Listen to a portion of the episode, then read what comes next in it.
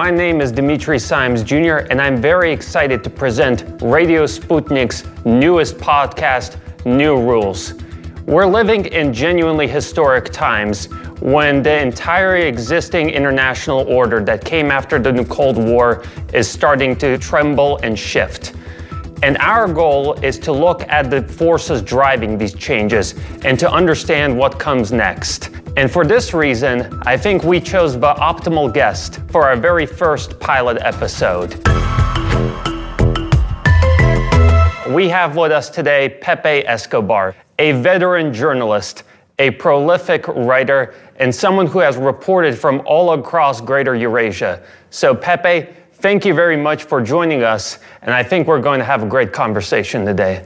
Dimitri and all of you, it's a huge pleasure to be here. I have a new life starting in Moscow this year, so this is the perfect place to be at the moment. In my intro, I touched upon the fact that it really does seem that we are going through historic times, through a shift in our entire existing order. And as Chinese President Xi Jinping recently noted, we seem to be witnessing changes we haven't seen in 100 years. Do you agree with that statement? And what changes do you think he was referring to? Oh, yes. Uh, not only I agree, I, I wrote a column about that, in fact.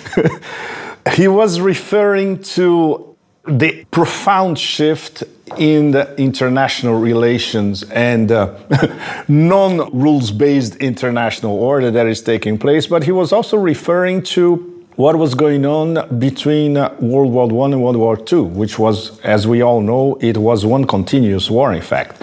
And it was not exactly solved after the end of World War II. And of course, that he was also referring to the time that China was very, very fragile, very weak. They were still under what the Chinese call the century of humiliation. So when we look at what's going on now, this old order is turned upside down completely. China is the most important trade commercial nation on the planet. By uh, PPP, purchasing parity power, it's already the number one economy in the world. Russia, after being devastated during the 90s, now has emerged as the prime uh, military superpower in the world.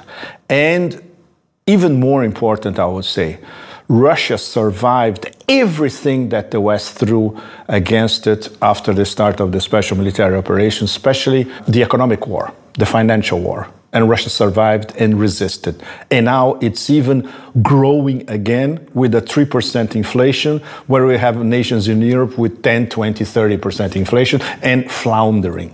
So can you imagine when you compare this to hundred years ago, we can understand. And the Chinese, they have a historical sense that is magnificent. They think in terms of. Uh, hundred year cycles, if not uh, dynasty cycles like old imperial uh, China, you know, 300 years, 400 years. So for them, uh, less than 100 years is a speck in historical terms. And now they're ready to go back, as they have been saying for a while now, to the position that they enjoyed until, let's say, the mid 18th century, when they were, alongside India, by the way, the two most important financial and economic powers in the world. So you alluded to the fact that China is regaining its uh, position. But I want to focus a little, zoom in a particular on your statements about Russia. What are your impressions of life in Russia under sanctions?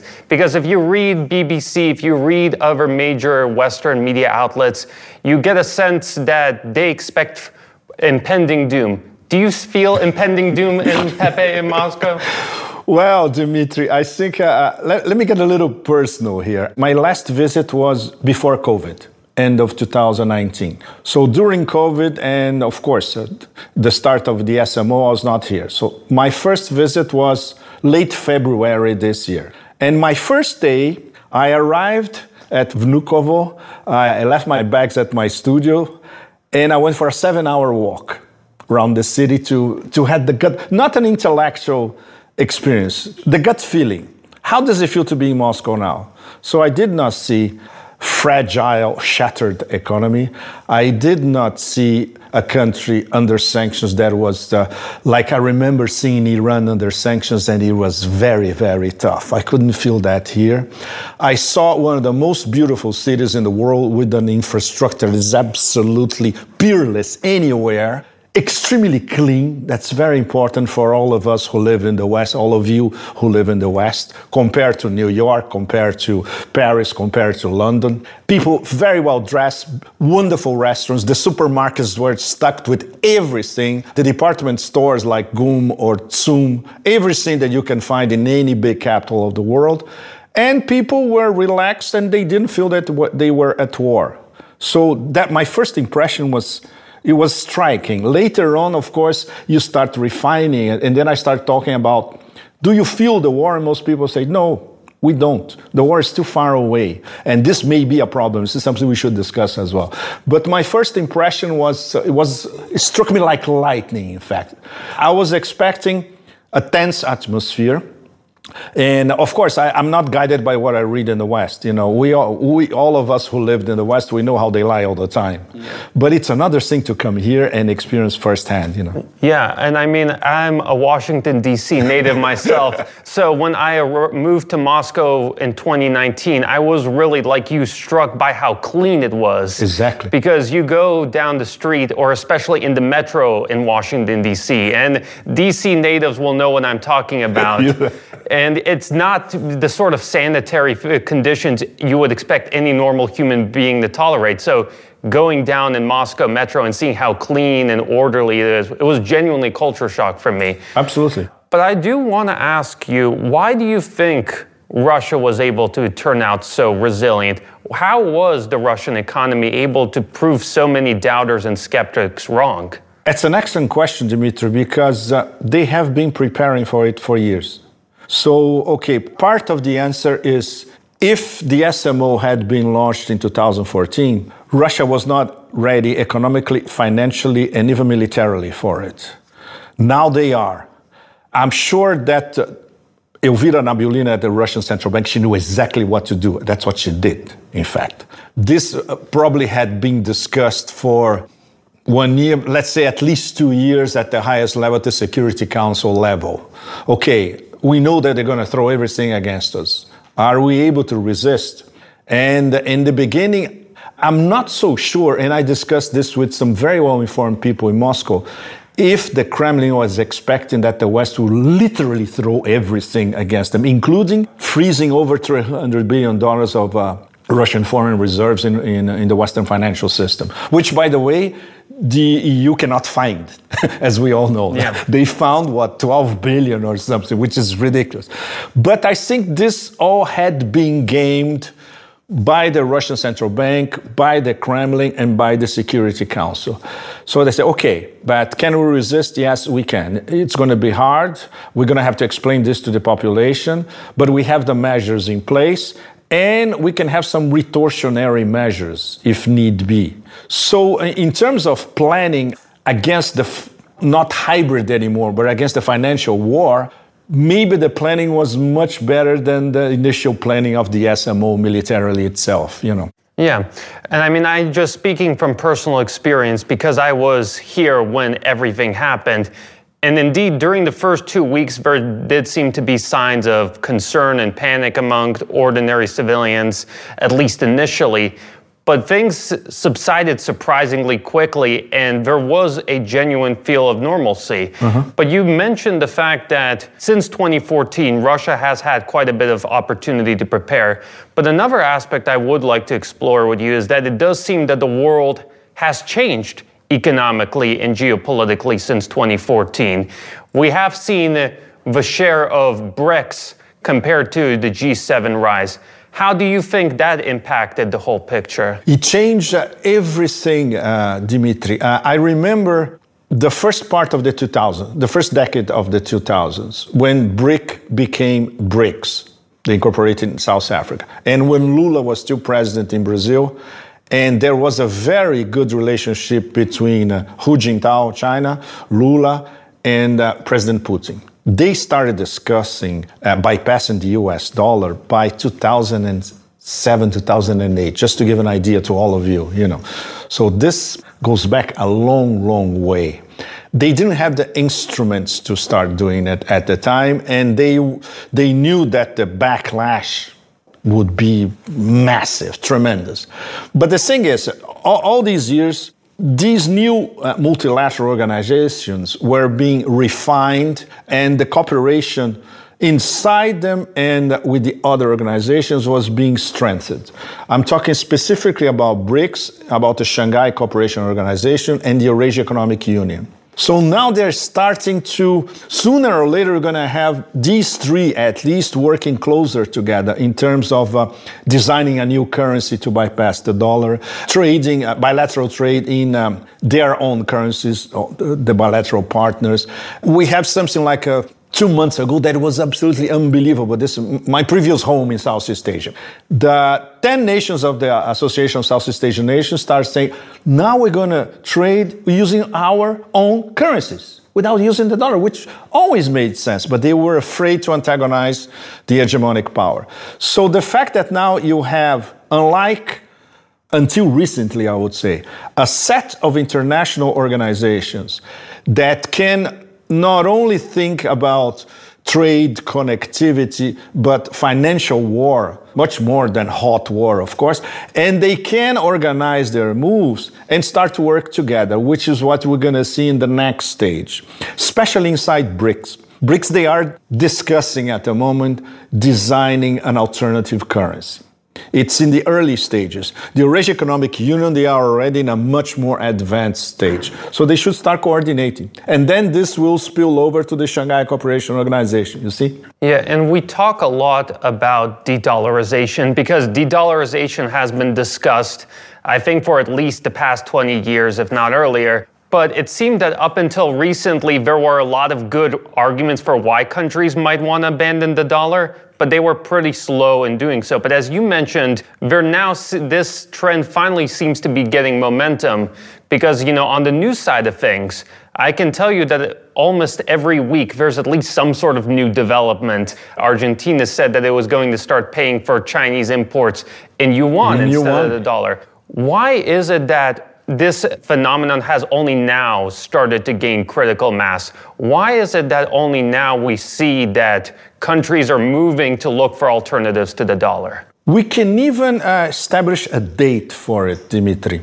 February last year, with that uh, freezing, confiscation, stealing of Russian foreign reserves, and the global south as a, practically as a whole start asking themselves from Latin America to Africa to Southeast Asia, if they can do this with a nuclear superpower, they can do it with any one of us like this, you know, snapping their fingers. So that's why the coordination inside these multilateral organizations and in other fora picked up you know astronomic speed for instance the brics now we have at least 19 countries on the list to join they're going to have a, a pre summit uh, in June in Cape Town in South Africa, where they're going to start discussing the modalities of accession. They cannot have 19 at the same time. So it's going to be probably in batches. Now, the first three, then another five or six.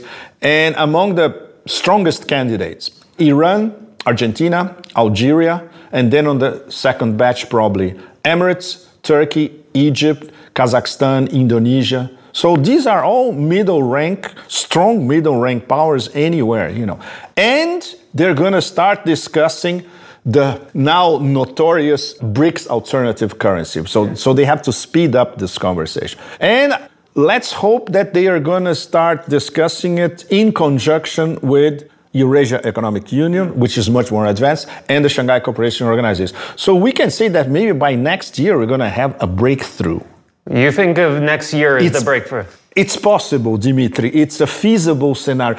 Until a few months ago, this would be the ultra far fetched scenario. Not anymore. Because now the, the speed is unbelievable. Like, like you said, literally every day. Bangladesh, Argentina, Algeria, countries in Southeast Asia, Bolivia, fantastic. You know that Russia is going to start accepting Bolivianos. I actually missed that news. Yeah, it's absolutely because uh, um, it's connected to Russian interest in exploiting uh, lithium in Bolivia as well. So, so, so now it's a, it's a snowball. It's a gigantic snowball all over the world. Uh, you can, we cannot even keep up with it. It's very important what is going to be discussed at the BRICS summit in, in, South Africa.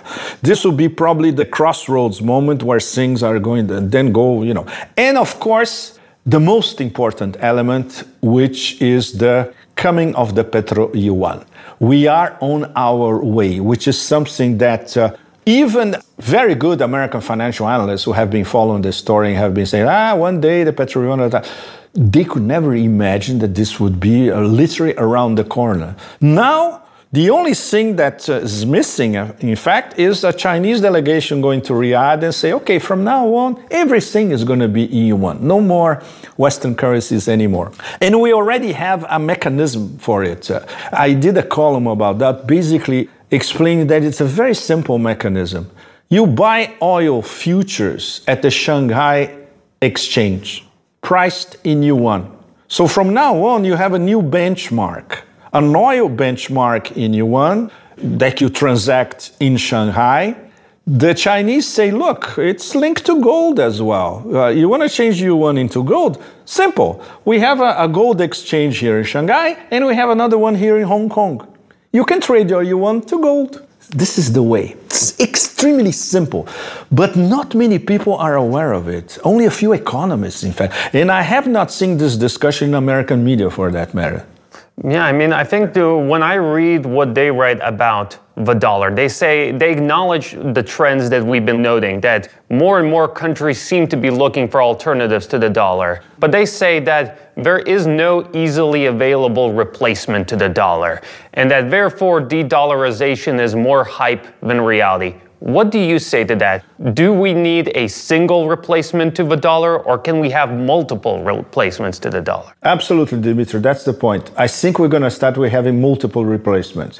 And then maybe in, in the second stage, these multilateral organizations will start thinking, okay, why don't we think about a fusion? Because we, we have different priorities. For instance, from a Russian point of view, uh, an alternative currency based on commodities and gold makes total sense. Russia is the number one commodities producer on the planet. From the Chinese point of view, it's much more complicated because they don't have these commodities, they have gold. And their economy is intimately linked to the international financial system controlled by the Americans and by Atlanticist interests. And they don't want to antagonize that head on the Chinese way. You know, it's subtle and uh, it's progressive, you know, little by little. This is how they do things. And that's it's probably the main point of contention when they are discussing, the Russians and the Chinese are discussing what are our next steps. The Chinese are much more cautious than the Russians. Because now what we are having, and, and Siluanov, the, the Russian Minister of, of Finance, he actually said that we are going to delink completely from the dollar and the euro. And this might happen even next year. Can you imagine? You have next year the Russian economy completely delinked from the dollar and the euro. It's now it's possible. You know, and they're working towards it. The Chinese simply cannot do that. They have to be much more cautious. First of all, because they know that the hybrid war against Russia, which in the case of Ukraine is a hot war because it's NATO against Russia. As you know, Dimitri, you're from DC, you know that their obsession is China. Of course, of course. And this was started happening even before I left because I remember in my early teenagehood and even my childhood, there was still a consensus that we could transform China, that somehow by trading with China, we would make China liberal and pro American. That didn't exactly happen. And it seems to me that the fact that it didn't happen really hurt people in Washington, D.C., that they feel really embarrassed that they spend whole time pursuing a futile strategy. Mm-hmm. And they have a really hard time accepting that a country with a totally different model can have such success.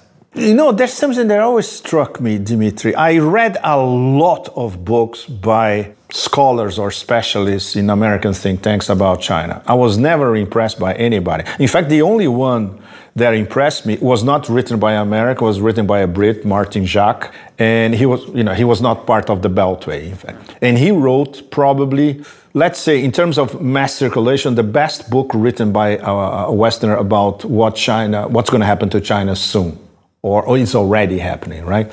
So this means that the so the, the self-described uh, sinologues in DC they don't understand Chinese culture. And that's ex- It, if you don't understand Chinese history, Chinese imperial dynasties, how Chinese deal with money, which is something that, for instance, Michael Hudson understands very well. He's been studying this for over 50 years. You simply cannot write about uh, Chinese economic policy now. And that seems to be the case with uh, those people in the Beltway. Well, I can tell you that a lot of people in the Beltway who are so called Russian uh, specialists can't really speak or write in Russian. uh, but I want to return a little bit to BRICS because okay. you set up this sort of interesting contrast of BRICS on one hand representing commodities and industry, while the G7 represents finance. Finance. Why are you confident that commodities plus industry will win out against global finance? It's not a question of being confident. Uh, considering. Why do you think they will? Exactly. If you wanna, if you analyze the patterns these past uh, two decades, let's say, if you analyze the fact that. Uh, if you are rich in commodities and if you are a productive capitalist nation, your currency if you decide to issue a currency, it will be internationally respected because people will know it's based on facts, actual products, actual wealth. Contrary to the system that we have now, which uh, for years I have been calling it casino capitalism, which is the easiest way to put it. You know, it's futures, it's bets, it's suppositions. Uh, it may go right or wrong. If you lose, you lose it all.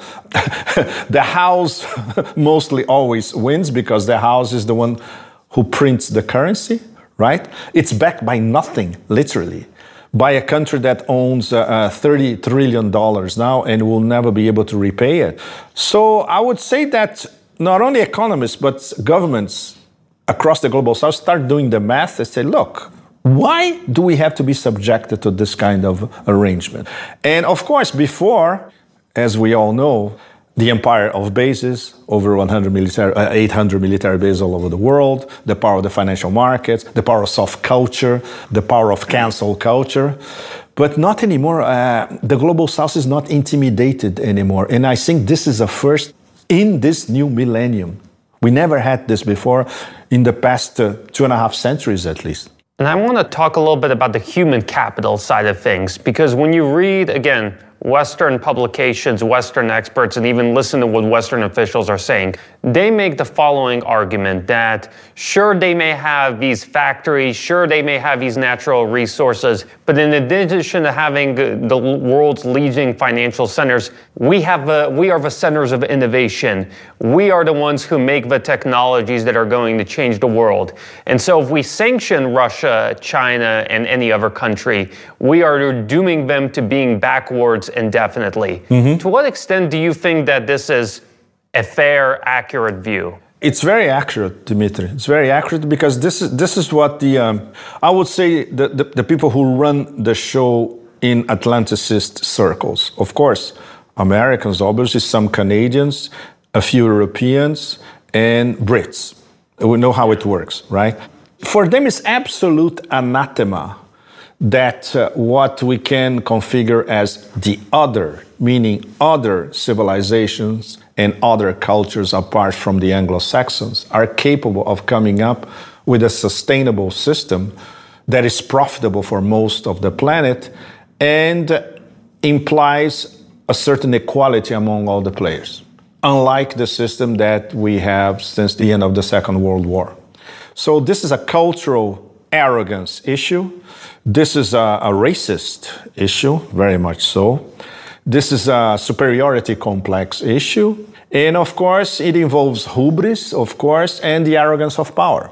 Uh, every empire, even when it's declining, if we if we look at the history of the Roman Empire, especially, you, they think they're invulnerable, or the Ottoman Empire, but they are rotting from within, which is what we're experiencing now, in fact. And, and the level of uh, political leadership in the US, something that you know very well, is never been so low. And it's a, a there's a direct connection with this uh, arrogance of power, declining arrogance. But as someone who has lived all over greater Eurasia, you've been in China, you've been in Iran, we're filming this in Russia right now. What do you think about the assertion again that somehow people in Silicon Valley are better automatically innovators than people in Moscow, mm-hmm. Beijing, Tehran, so on and so forth?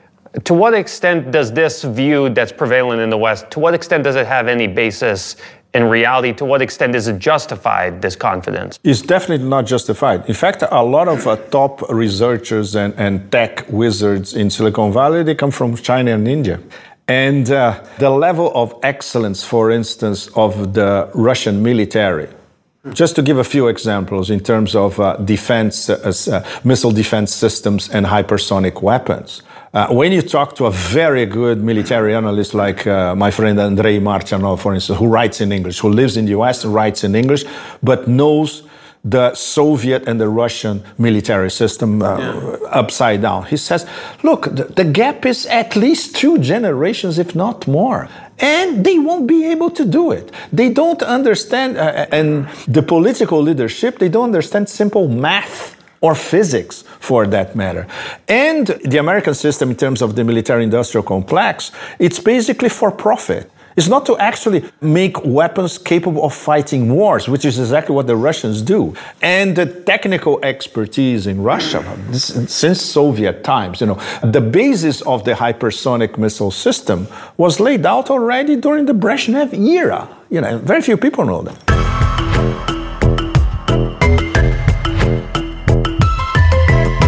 I mean, as someone who grew up in the Beltway yeah. and attended a bunch of think tank events, people were very candid about the fact that, listen, we spend money on weapon systems that don't have any military value but have political value. Because let's say building aircraft carriers, how useful are they in the era of hypersonic missiles? Exactly. Not really useful, but you know why they are useful because building these hypersonic missiles create a lot of jobs in the districts where Congress people reside. And so if you want to get reelected, build more aircraft carriers. Excellent. Very well put. Exactly. But uh, they won't fight real wars. And now they are even more, uh, I would say, completely freaked out because they know, for instance, if they try something in the South China Sea, the Chinese have the famous carrier killers all over the coast.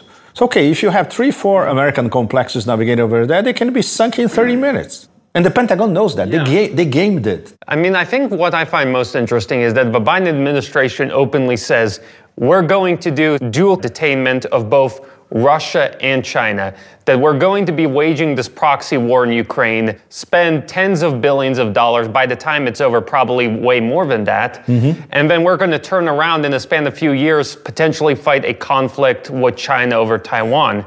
You know, how realistic is that? Do you think that the United States can just bounce back from a proxy war in Ukraine and go straight for a round two with China? It's so absurd, Dimitri, that uh, obviously these neocons they haven't even read brzezinski which okay he was a, let's say he was a democrat linked neocon. Yeah. But he was talking about this in the 90s already. When he wrote the grand chessboard he published in 1997 he was already saying we have to prevent the emergence of a peer competitor in eurasia by any means necessary. So what do we have now we have the emergence of a strategic partnership of peer competitors across Eurasia. And the response of the neocons okay, let's go to war against both of them at the same time. Even a kid knows this is completely absurd. yeah. And all the while, the United States' only real allies are in Western Europe, the NATO countries. I wanted to ask you about that because we saw first what Macron's visit to China, and most recently, statements by the British Foreign Secretary that seemed to imply that even the British were a little bit wary about Washington's hawkish stance on China. As someone who lives in Paris and knows Europe fairly well in addition to Asia, do you think that it's feasible that Europe can finally break out of its sort of crypto colony status that it has maintained since 1945? Or do you think that all of these sort of statements are tempests in a teapot, that the Europeans will be a little bit upset, and then they'll go back to doing to what Washington tells them? It's an excellent question, Dimitri, because uh, I would say it points to a breakup inside the EU and inside NATO. Basically, what the Americans would like to do is to have Eastern Europe leading NATO and even leading the EU, which is even more far fetched. And the new superpower would be Poland. This is what they think. This is what they're, they're uh, actually uh, working towards. You know, the French and the Germans, and I'm not generalizing. Let's say patriotic faction of French business, especially, and a few diplomats are saying, no, we have to go back to our de Gaulle modern roots. We should be independent. We should have our own force de frappe, as they say, our own striking force. And we should leave NATO, in fact, and be when Macron said we should be a third independent superpower, he didn't mean Europe. He meant France, in fact. And as you know, the French, they still have this um, idea of themselves as a, a perennial Western power. The Germans is much more complicated because they are still a neo colony. Yeah. Period. And this was proved by the whole Nord Stream incident. But German businessmen are already talking about it. And there's an undercurrent of very, I would say, very secret, in fact, because there's, there's one leak here and there. German uh, businessmen and parts of the old German aristocracy basically discussing among themselves we have to get rid of this traffic light government, which is completely crazy with these greens, and we should have a sort of Bismarck pact with Russia again. And then we'll be able to fulfill our destiny as the number one trading power in Europe and one of the best in the world. Trading, especially with Russia, China, and the rest of Asia. And, and obviously get rid of American dominance. But this, for the moment, is an undercurrent, is, is kept very secret, but you hear this all the time by very well connected ger- German uh, businessmen. So France and Germany, in, in some high level way already thinking about it the post EU NATO environment. The problem is that the, the Americans will put everything on Poland and Eastern Europe to be the new leaders of uh, a near future Europe. Um, I'm not sure this is going to work. Poland doesn't have the economy, or the military power, or the gravitas to be a leader in Europe. Yeah, and I mean, I, I guess it, it is interesting for me that you said that this is sort of a business phenomenon, that yes. mainly business circles are the ones who are driving this. Absolutely. I mean, I guess that does beg the question to what extent can these people be the drivers of change, though? Because uh, it's of course important to have financial resources, but if presumably the European security states, the government apparatuses are controlled by people who are ideologically and politically loyal to Washington, is it feasible that at some point these sort of dissident undergrounds would be able to push back? At the moment, Dimitri, no. There's no, it's impossible because uh, the orders come from Washington, they go to NATO in Brussels, and inside Brussels, they go from NATO to the European Commission, and from the European Commission, they go to the other uh, European capitals. So everything is tightly knit, and uh, it's impossible to escape. The problem is, what do German businesses want? They want to exactly the same thing as the Chinese ones. They want to do business all over the world. Yeah, they were on their way. They were they were already first class trading power on the way to become a superpower before the SMO, before the sanctions, and before the bombing of the Nord Streams. Yeah. And now they're going back. Wow, they're going back to the to 100 years ago, to put yeah. it in Xi Jinping language. And the only ones who actually see that are German businessmen.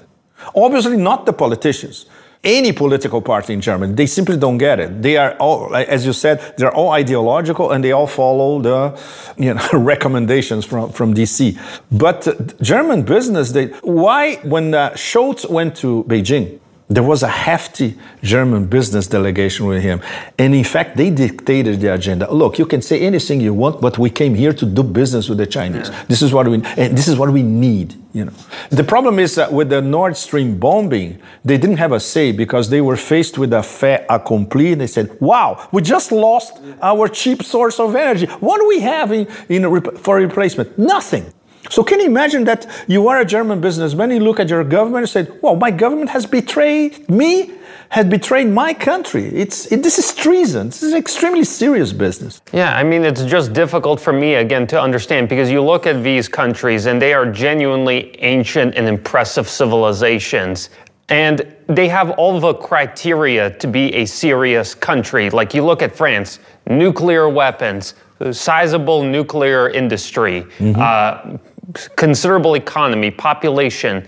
I just don't understand why it chooses to be so compliant with Washington because when you look at, for example, Turkey, another NATO ally, mm-hmm. they you see that they try to hedge their bet somehow, that they give to Washington, but they also take from Washington. I have a hard time understanding why the Europeans don't try and take this sort of pragmatic middle ground where they look after their own interests. Well, this means that we're still living the after effects of the end of the Second World War. That includes everything uh, defeatism by the French, the fact that uh, they were smashed in the Second World War. On a German side, uh, psychological scars that are very difficult to heal even after decades, guilt complex, gigantic guilt complex, and the fact that they, uh, they know intellectually they can understand that they are a colony but they don't find a way to break free. And in France, they're still dreaming of Napoleon, you know, including, and even not, not even referring to Napoleon's defeats, like in Russia, for Yeah. instance, you know, but Napoleon at his apex, you know. So it, it's, uh, it's a very complicated, it's a mixed feeling environment. And the question of sovereignty is essential. France, they still have an idea of sovereignty in their minds coming from the Enlightenment. Germany, they lost completely. So it was very, very interesting to see when Macron went to talk to Xi Jinping. Basically, Xi Jinping was telling Macron, I respect you if you behave as a sovereign. Then we can have a, a partnership of equals, and you're going to be one of probably my favorite partner in Europe.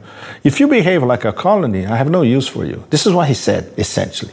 And that's the thing that's uh, why the global south respects Russia. Because Russia affirms its sovereignty. Why do they respect China? The same thing. Why do they respect Iran? Because Iran has been resisting for four decades and they didn't crumble. Like everybody in the Beltway was thinking, ah, Yeah. uh, real, remember real men go to Tehran during Rumsfeld and Cheney, you know. They thought it would be too easy. Yeah. Okay, we smash Iraq and the next is going to be Iran. It's not, no, it's not like that. When you're dealing with a real sovereign, which is the case of Iran, whatever our opinion or our analysis of their political system, apart from it, the fact that they were able to resist a superpower for four decades, this is immense. It is very impressive, undoubtedly, yeah. And I, I mean, I guess it is sort of, you know, reveals the limits of sanctions as an instrument. Because one thing that a lot of people here in Moscow told me before the start of the SMO, they said, you weren't able to break North Korea with sanctions. You weren't able to break Iran with sanctions. Why do you think you will be able to break us with sanctions? Because Russia's economy is even more closely integrated to the global economy. And so isolating Russia is even more difficult than trying to isolate Iran or North Korea or any other country. True, and uh, wow, it took it it took them a few months to start uh, understanding the game. Né? When they, at least those rational actors uh, in the collective West, they saw that the effects of sanctions were absolutely devastating for Western economies, but not for the Russian economy. You know, we've talked a lot about the major players, about Russia, about China, about even France and Germany. I think we're missing a very important player, and that is India. What do you view India's role? Because we see that, especially since 2014, with the coming of Modi, not only is it India's economy becoming greater, but we see that India is becoming more and more assertive in its foreign policy. In fact, the term they like to use is Vishwaguru, teacher of the world. Teacher of the world. How, how do you see India's role in a new multipolar world? It's a very complex phenomenon because uh, until a few years ago, they were still obsessed with China and Pakistan and the fact that Pakistan is a crucial ally to China. Everything in India and everything in Pakistan is related to each other, their relationship. So, who was trying to bridge the gap? Putin. So every BRICS summit, Putin would get Modi and Xi, and okay, let's talk only the three of us, the RIC Yeah. in BRICS, which are the real, the three important powers in BRICS is the RIC, and nowadays exactly the same thing. And he started to bridge the gap on, a very Chinese person to person exchange level. So Xi and Modi started to understand each other better. And obviously, this, of course, this goes uh, the pyramid, right? So the relations got much better. The fact that they are both partners at the Shanghai Cooperation Organization, very important because they can discuss security issues within the SCO. Both they are at G20. So when you have an important G20 position, they have to be aligned. For instance, the G20 last year in Indonesia, Russia and China were in deep sync. This year, the summit's going to be in India. Same thing, you know. So, so this is very, very important on a personal level, on a cultural level, and on a trust level. They start to trust each other more. And now that they have convergent interests in terms of multipolarity, the problem is, uh, Dimitri, the, the Indian elite. They are very westernized. They are Anglophiles. Most of them are still Anglophiles. They look at the West with, uh, like, you know, our big brothers, you know, to change this mindset is going to take a while. It's already going on. And of course, they have another serious problem, which is the relationship with their Muslim population, which is not solved at all. If you go to Kashmir, you understand everything in one day. And it's going to take them a long time to understand that. And the fact that uh, they have to stop discrimination against Muslim citizens inside India. This is an extremely serious problem. And that's one of the reasons why India and Pakistan clash so much. But the fact that the Russians have been bridging the gap, and there's an element of trust now between the leadership of India and China, it's uh, for, for the immediate future of multilateral organizations and India stop hedging its bets between being a colony of the West, the Quad, AUKUS, all, these uh, setups, right? Or being a true sovereign linked to the development of Eurasia, they're going to change option number two. We are on, on the way, of course. And I also I think that more likely than not, a large percentage of our audience members are going to be, believe it or not, Americans. And so I want to pose the question to you. When we talk about US hegemony, do you think that ordinary Americans are beneficiaries or victims of it, as people like Tucker Carlson make the argument that they are? No, they are losers because hegemony benefits the 0.001%, let's put it this way, and people who work inside and around the industrial military complex, which the best definition is by our friend Ray McGovern, MICIMAT, né? military, industrial, congressional, intelligence, uh, mass media, academia, think tanks, you know, which, which is a bubble. Uh, and it works uh, completely uh, outside of the frame of reference of uh, an average American citizen. So these people are, some factions are benefiting, definitely not the average American citizen. Unfortunately, I, I lived in the US. I love the country. I love the people. I love the regions. I love the geology. And, and this has nothing to do with the way foreign policy is uh, organized in the Beltway. But since we are talking about the emergence of a multipolar world, right, one of the foundations of Pax Americana has been liberal, liberal or neoliberal ideology, whatever you want like to call it. Mm-hmm. As we see Russia, China, India, Turkey, and other players, you know, take up their rightful place under the sun, what does that mean for liberalism? Can liberalism exist in a multipolar world, or will it inevitably lose some of its appeal? In fact, it's uh, nowadays the way the system is configured. It's neoliberalism and neoliberalism on steroids. In fact, yeah? benefiting a very small fraction of these uh, Atlanticist elites and comprador elites across the global south, you know, everywhere, from Nigeria, Argentina, and Brazil to Thailand or Indonesia. This is going to change because, uh, and this would imply perhaps the most difficult path nowadays is to come up with an economic alternative to neoliberalism. It doesn't exist yet.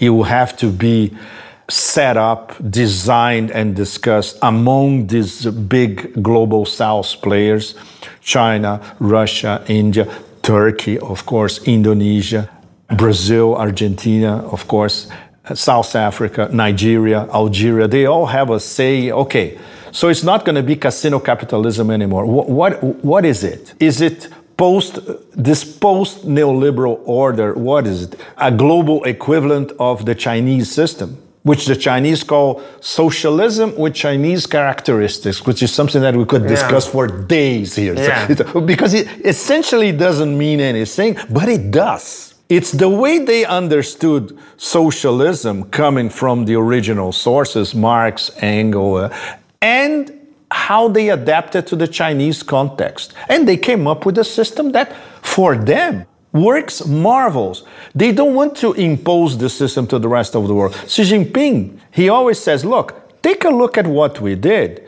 Learn from our mistakes. Don't try to copy our system. Come up with your own system, but you can learn from us what we did right which is a wonderful way of explaining to the to poorer countries or to the rest of the world look uh, you have what it takes to come up with your own thing. And if you want some ideas just look at what we did. For instance i'll give you an example. Open a, a special economic zone to develop an area and then expanding from this area to another area which is what they did essentially across china. And it worked. Yeah. My final question is in your most recent book you nicknamed the current decade the Raging 20s, which I think is a very poetic description. Why are we living specifically in the Raging 20s? And what should our audience members expect from these Raging 20s? A lot of turbulence, which is what we are already living, right, Dimitri? Um, the Raging 20s, of course, was my personal homage to Hemingway, obviously. But uh, then history intervened, in fact.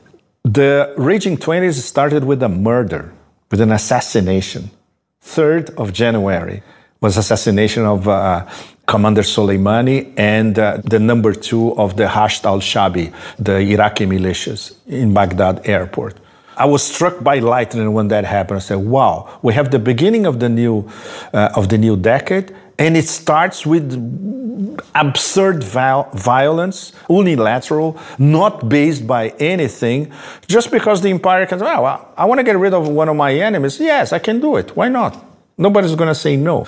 So maybe this set the stage for what came later, which everything that we know. COVID and um, how COVID came out of the sky in mysterious ways, the provocations by NATO to force Russia to start the SMO, as we know by now. So it already started, it, it is a very convoluted, complicated, and violent decade already developing and ahead of us. But so we need to be at least well informed about the reasons. Why are we living in this historical confluence? And is there a plan B for all of us? Is there light at the end of the tunnel for us, humanity as a whole, not only geopolitically or geoeconomically? Or there is a sort of, of design coming from uh, we know who that wants uh, to turn us into post humans, algorithms, easily controlled digital specs. And this is not exactly what we want for ourselves as humans, right? But this is what some people want us to be. So we have to fight against yeah. it. And on that cheery note, we don't have the answer to whether light is awaiting for us, but I think that we at bare minimum have an obligation to talk about the new trends that are emerging, the big questions that we're going to be facing over the next decade, over the raging 20s. And I'm Dimitri Simes Jr. on the New Rules podcast, and we promise to keep you updated on all the major developments of these raging 20s. Thank you. Till next time.